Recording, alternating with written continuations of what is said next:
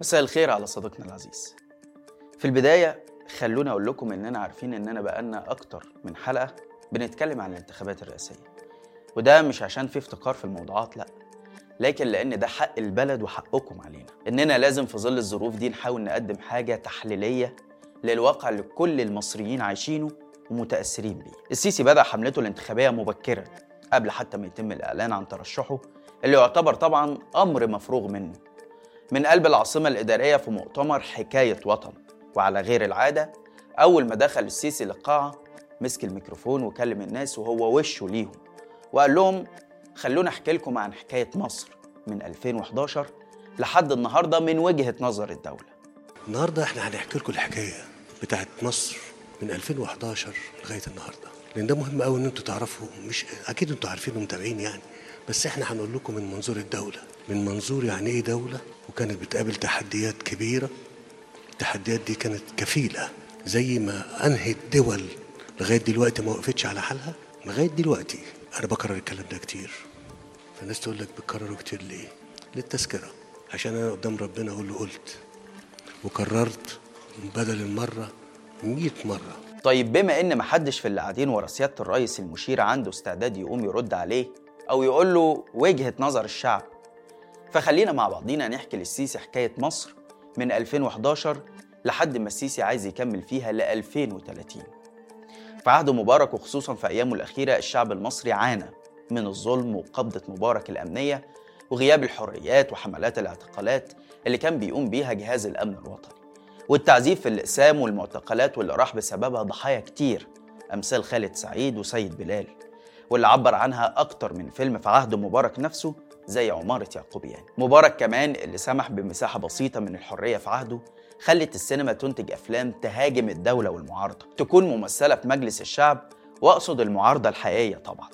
لكنه تراجع عن كل ده في انتخابات البرلمان سنة 2010 وزور الانتخابات زي ما كلنا عارفين. المهم عشان ما نطولش في قصة مبارك اللي يمكن يعتبر ملاك جنب السيسي لكن غياب العيش والحرية والعدالة الاجتماعية أدت لثورة شعبية كان البعض يتخيل إنها مستحيلة بسبب سيطرة نظام مبارك على الدولة على مدار 30 سنة كاملة. الشعب نزل الميادين ضحى بروحه في سبيل مطالبه المشروعة واللي انتهت بتنحي مبارك عن الحكم وتولي القوات المسلحة إدارة شؤون البلاد. طبعا الناس ساعتها كانت فاكرة إن الشعب خلاص بقى حر وهيبقى عندنا دولة مدنية فيها انتخابات وحريات وأحزاب.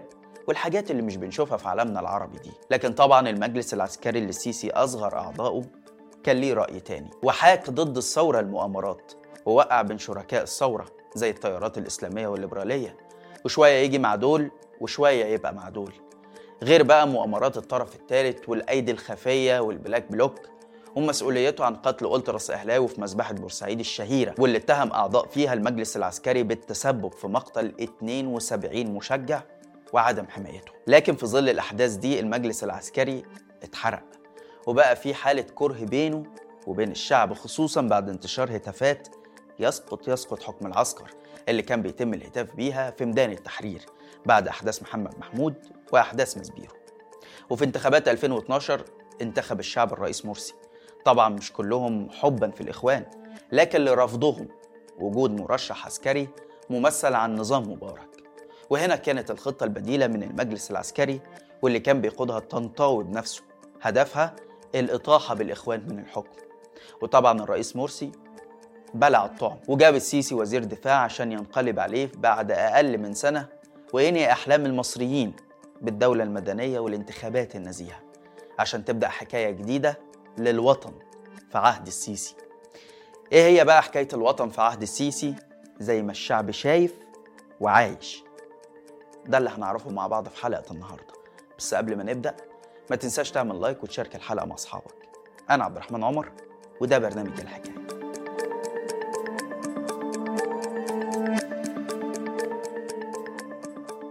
اسمعوا لو كان البنى والتنمية والتقدم ثمن الجوع والحرمان اوعوا يا مصريين ما تقدموش. اوعوا يا مصريين تقولوا ناكل أحسن. والله العظيم والله العظيم والله العظيم. لو كمن ثمن التقدم والازدهار للأمة إنها ما تاكلش وما تشربش زي ما الناس بتاكل وتشرب ما تاكلش وما نشربش. أهلا بيكم. هسألك سؤال كده يا صديقي العزيز وعايزك تجاوبني عليه بكل صراحة. تختار تجوع وتتقدم ولا تاكل وتشرب زي البشر العاديين ونخف تقدم شويتين؟ الحقيقة إنك حتى لو جاوبت إجابة منطقية وهي إنك تختار تعيش وتاكل. فزي ما انت سمعت كده سيادة الرئيس واللي جاوب بالنيابة عنك وقال لك لا نجوع وما ناكلش وما نشربش بس نتقدم.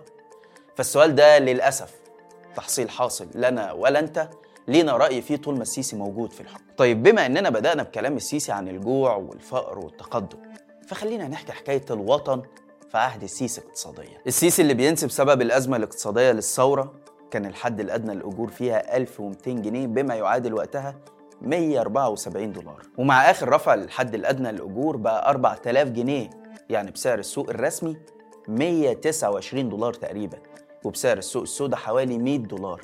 طبعا ناهيك عن التضخم وارتفاع أسعار السلع والخدمات المبالغ فيها سواء بقى كانت كهرباء بنزين وخلافه كتير. أما بقى الدولار فقبل السيسي كان بحوالي 7 جنيه ومتوفر في الصرافات والبنوك. وفي عهد السيسي بقى ب 31 جنيه في السوق الرسمي وطبعا غير متاح وب 40 جنيه في السوق السوداء. ديون مصر الخارجية قبل السيسي كانت حوالي 43 مليار دولار عشان تتضاعف أكتر من مرة في عهد السيسي وتبقى سنة 2023 أكتر من 165 مليار دولار غير طبعا فوائد الديون والديون الداخلية. معدلات الفقر بقى الصراحة كده رغم إنها أعلى في عهد السيسي واللي بقت 30% تقريبا في آخر إحصاء سنة 2020 مقابل 26.3 من عشرة قبل السيسي في 2013 لكن الواقع بيقول غير الأرقام دي خالص.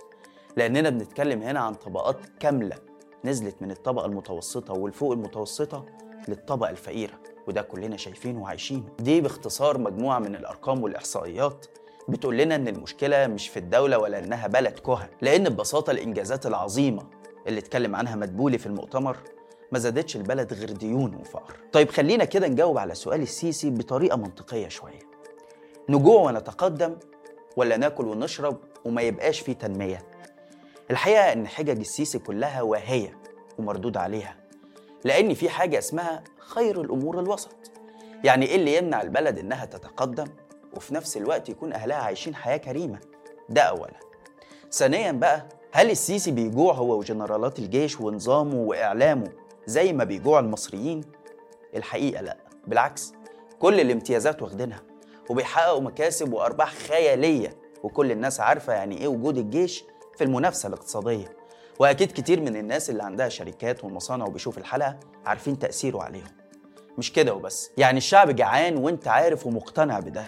خد بقى عندك مشاريع ومصاريف اتصرفت ملهاش أي داعي في ظل الظروف الاقتصادية المريرة اللي بيعيشها الشعب. قصور السيسي الرئاسية اللي في كل مكان في البلد واتصرف عليها ملايين ويمكن مليارات الدولارات. العاصمة الإدارية اللي السيسي صرف عليها مليارات ومفيش أي عائد مادي منها للبلد. ومفيش حد استفاد منها غير الجيش اللي خد سبوبة إدارة المشروعات دي. طائرة ملكة السماء الرئاسية اللي السيسي اشتراها بملايين الدولارات. طب مش بتونوا الفقراء أولى ولا إيه؟ آخر حاجة هنرد بيها على السيسي في موضوع الجوع والفقر ده هي مقولة للشيخ محمد الغزالي رحمة الله عليه بيقول فيها كل دعوة تحبب الفقر إلى الناس أو ترضيهم بالدون من المعيشة أو تقنعهم بالهون في الحياة أو تصبرهم على قبول البخس والرضا بالدنية فهي دعوة فاجرة. يراد بها التمكين للظلم الاجتماعي وإرهاق الجماهير الكادحة في خدمة فرد أو أفراد وهي قبل ذلك كله كذب على الإسلام وافتراء على الله. دي نبذة مختصرة عن حكاية وطن فشل رئيسه اقتصاديا ولسه بيطالب الناس بالصبر والجوع عشان خاطر حاجة واحدة بس وهي إنه يفضل يحكمهم وطبعا مش عشان البلد تتقدم ولا حاجة. نيجي بقى لحكاية الوطن السياسية اللي كانت سبب أصلا إن السيسي يعمل مؤتمر حكاية وطن. ويفضل شغال تلات أيام ويجيب فيه مؤيديه يسقفوا له ويتفرجوا على إنجازاته.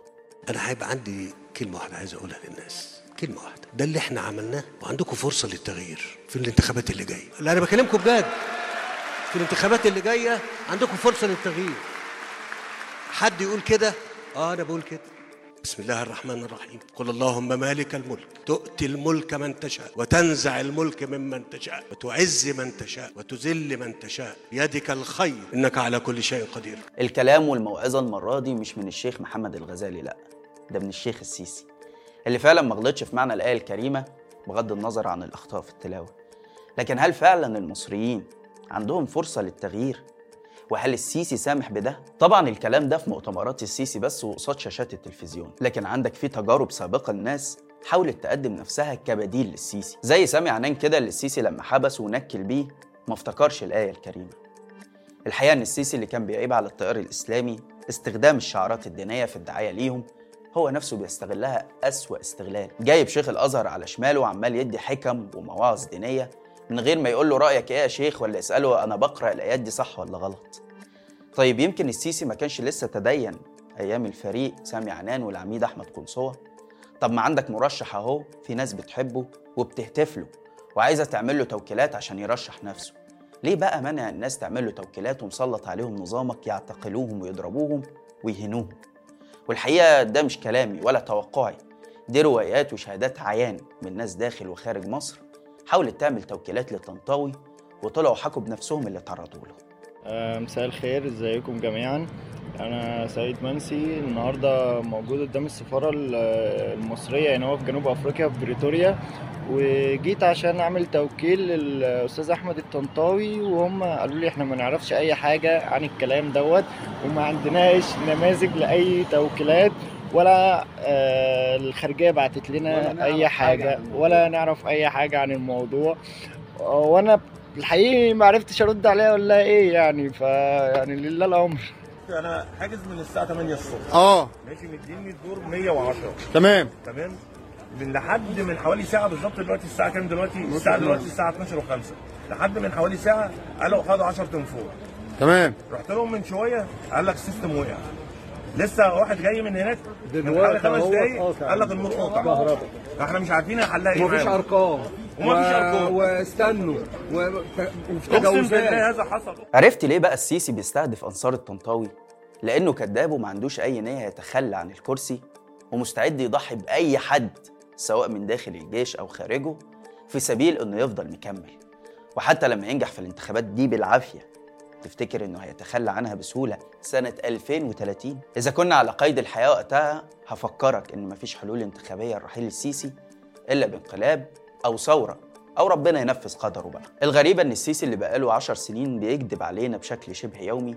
مرة يقول لنا في 2020 هتشوفوا مصر كده ومصر هتبقى قد الدنيا وبكرة تشوفوا مصر. فجأة بقى هو اللي بيتهم المعارضين ليه بأنهم كذابين ويطلع يذكرنا بحديث الرسول صلى الله عليه وسلم عن الكذب. طب هي الآيات والأحاديث دي مش بتفكر مرة تطبقها على نفسك؟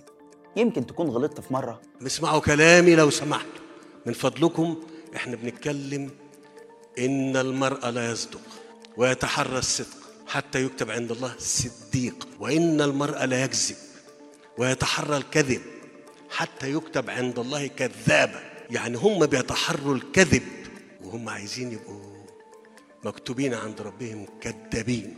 دي حكاية مصر السياسية في عهد السيسي. من بلد قامت بثورة عشان تلغي مشروع التوريث اللي كان عايز ينفذه مبارك عشان توصل لرئيس بيحذر أهلها من القيام بثورة زي 2011 ويهددهم بالاقتصاد والفوضى رغم إنه المستفيد الأول منها وهي السبب في وصوله للسلطة. نيجي بقى لحكاية بلد اللي هيبتها أمام دول العالم اتراجعت أميال للوراء في عهد السيسي. وبقى يطلع يشحت باسم الدولة ويبيع في أصولها وجذورها لدول الخليج. ويجي بعد كل المليارات اللي خدها دي ويقول لك مش عايزين نقول لأشقائنا ساعدونا كمان. ما يصحش. ممكن نتسائل قوي أكتر من كده على أخواتنا ونقول لهم إيه؟ يلا ساعدونا كمان. بس ما يصحش كده ما يصحش. والحقيقة عشان نرد على السيسي في النقطة دي فمفيش دولة بتدي لنظام فلوس عشان خاطر عيونه. لأن الأشقاء اللي بيتكلم عنهم دول خدوا أكتر بكتير من اللي ادوه السيسي خدوا شركات وأصول رابحة. دفعوا تمن وقت ثورات الربيع العربي اللي كانت ممكن تأثر على عروشهم مستقبلا. وهو الحقيقة مبلغ زهيد جدا قصاد اللي خدوه وحققوه من ورا السيسي. وطبعا في حلقات تانية تقدر ترجع لها اتكلمنا فيها عن بيع الأصول وأطماع حكام الإمارات. نسيب بقى حكايات مصر نيجي نشوف حكايات رئيس على الله حكايته. السيسي قاعد بقاله كام يوم يدينا في حكم ومواعظ وبلاش تهدوا البلد وعندنا أزمات وعندنا مشاكل ويطلع يعايرنا بالجهل والعوز والفقر. طب ما أنت الرئيس مش أنا؟ وبقالك سنين بتحكم. يعني أنت كده بتدين نفسك إنك فشلت تنهض بالبلد في عشر سنين. الحاجة الملاحظة كمان يا صديقي إن السيسي في مؤتمراته بعد خالص عن الوعود وفضل يلوم الشعب ويحملهم مسؤولية كل الفشل اللي وصلنا ليه سواء بقى بالزيادة السكانية اللي ابتلعت التنمية أو بمخططات الأشرار اللي مش عارفين هي إيه الصراحة. رغم إن كل سلطات الدولة تحت إيده هو. طب ما بدل ما نعمل مؤتمرات السيسي يطلع يكلمنا فيها عن إنجازاته اللي حصلت في تسع سنين واللي هتطبع في كتاب يتوزع على الناس عشان يقول لنا إنه عايز يحكم كمان ست سنين فالأولى إن السيسي يوفر على نفسه الفرهدة دي طالما الانتخابات نتيجتها محسومة مسبقا. يا إما يسمح بإجراء انتخابات حقيقية يمكن تجيب حد غيره يعرف يسير بالبلد لبر الأمان. في النهاية رأيي بدل ما نعمل مؤتمرات السيسي يطلع يكلمنا فيها عن إنجازاته اللي حصلت في تسع سنين واللي هتطبع في كتاب يتوزع على الناس عشان يقول لنا إنه عايز يحكم كمان ست سنين. فالأولى إن السيسي يوفر على نفسه الفرهدة دي طالما الانتخابات نتيجتها محسومة مسبقا.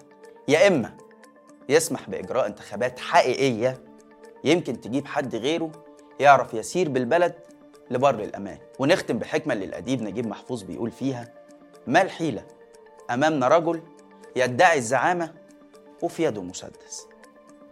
بس كده. لحد هنا والحلقة خلصت. شارك الحلقة لو عجبتك وتابع حساب شباك وحسابي على الانستجرام هتلاقي اللينك في الوصف. واستنانا كل يوم اثنين وجمعة الساعة 8 بالليل بتوقيت القاهرة في حلقة جديدة من برنامج إيه الحكاية. سلام.